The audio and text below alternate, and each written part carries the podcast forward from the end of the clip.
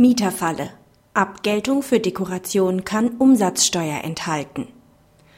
Schadensersatzleistungen sind regelmäßig nur inklusive Umsatzsteuer zu erbringen, wenn auch tatsächlich eine Ausgabe erfolgt. Anders kann dies bei der Vereinbarung von Abgeltungsbeträgen sein.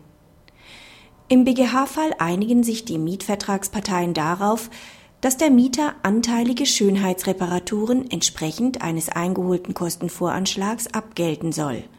Der Mieter will nunmehr die darin enthaltene Mehrwertsteuer nicht zahlen. Der BGH ist hingegen der Ansicht, dass eine solche Zahlungspflicht besteht.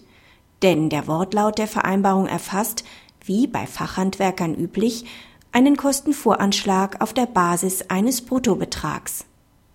Praxishinweis. Der BGH-Entscheidung lag eine Individualabrede zugrunde.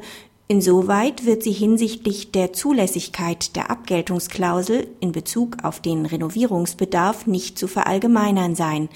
Dennoch macht sie deutlich, dass bei Abgeltungsvereinbarungen nicht der Rechtsgedanke des Schadensersatzrechts, bei dem ohne Leistung nur Nettobeträge zu erstatten sind, zwingend anzuwenden sein muss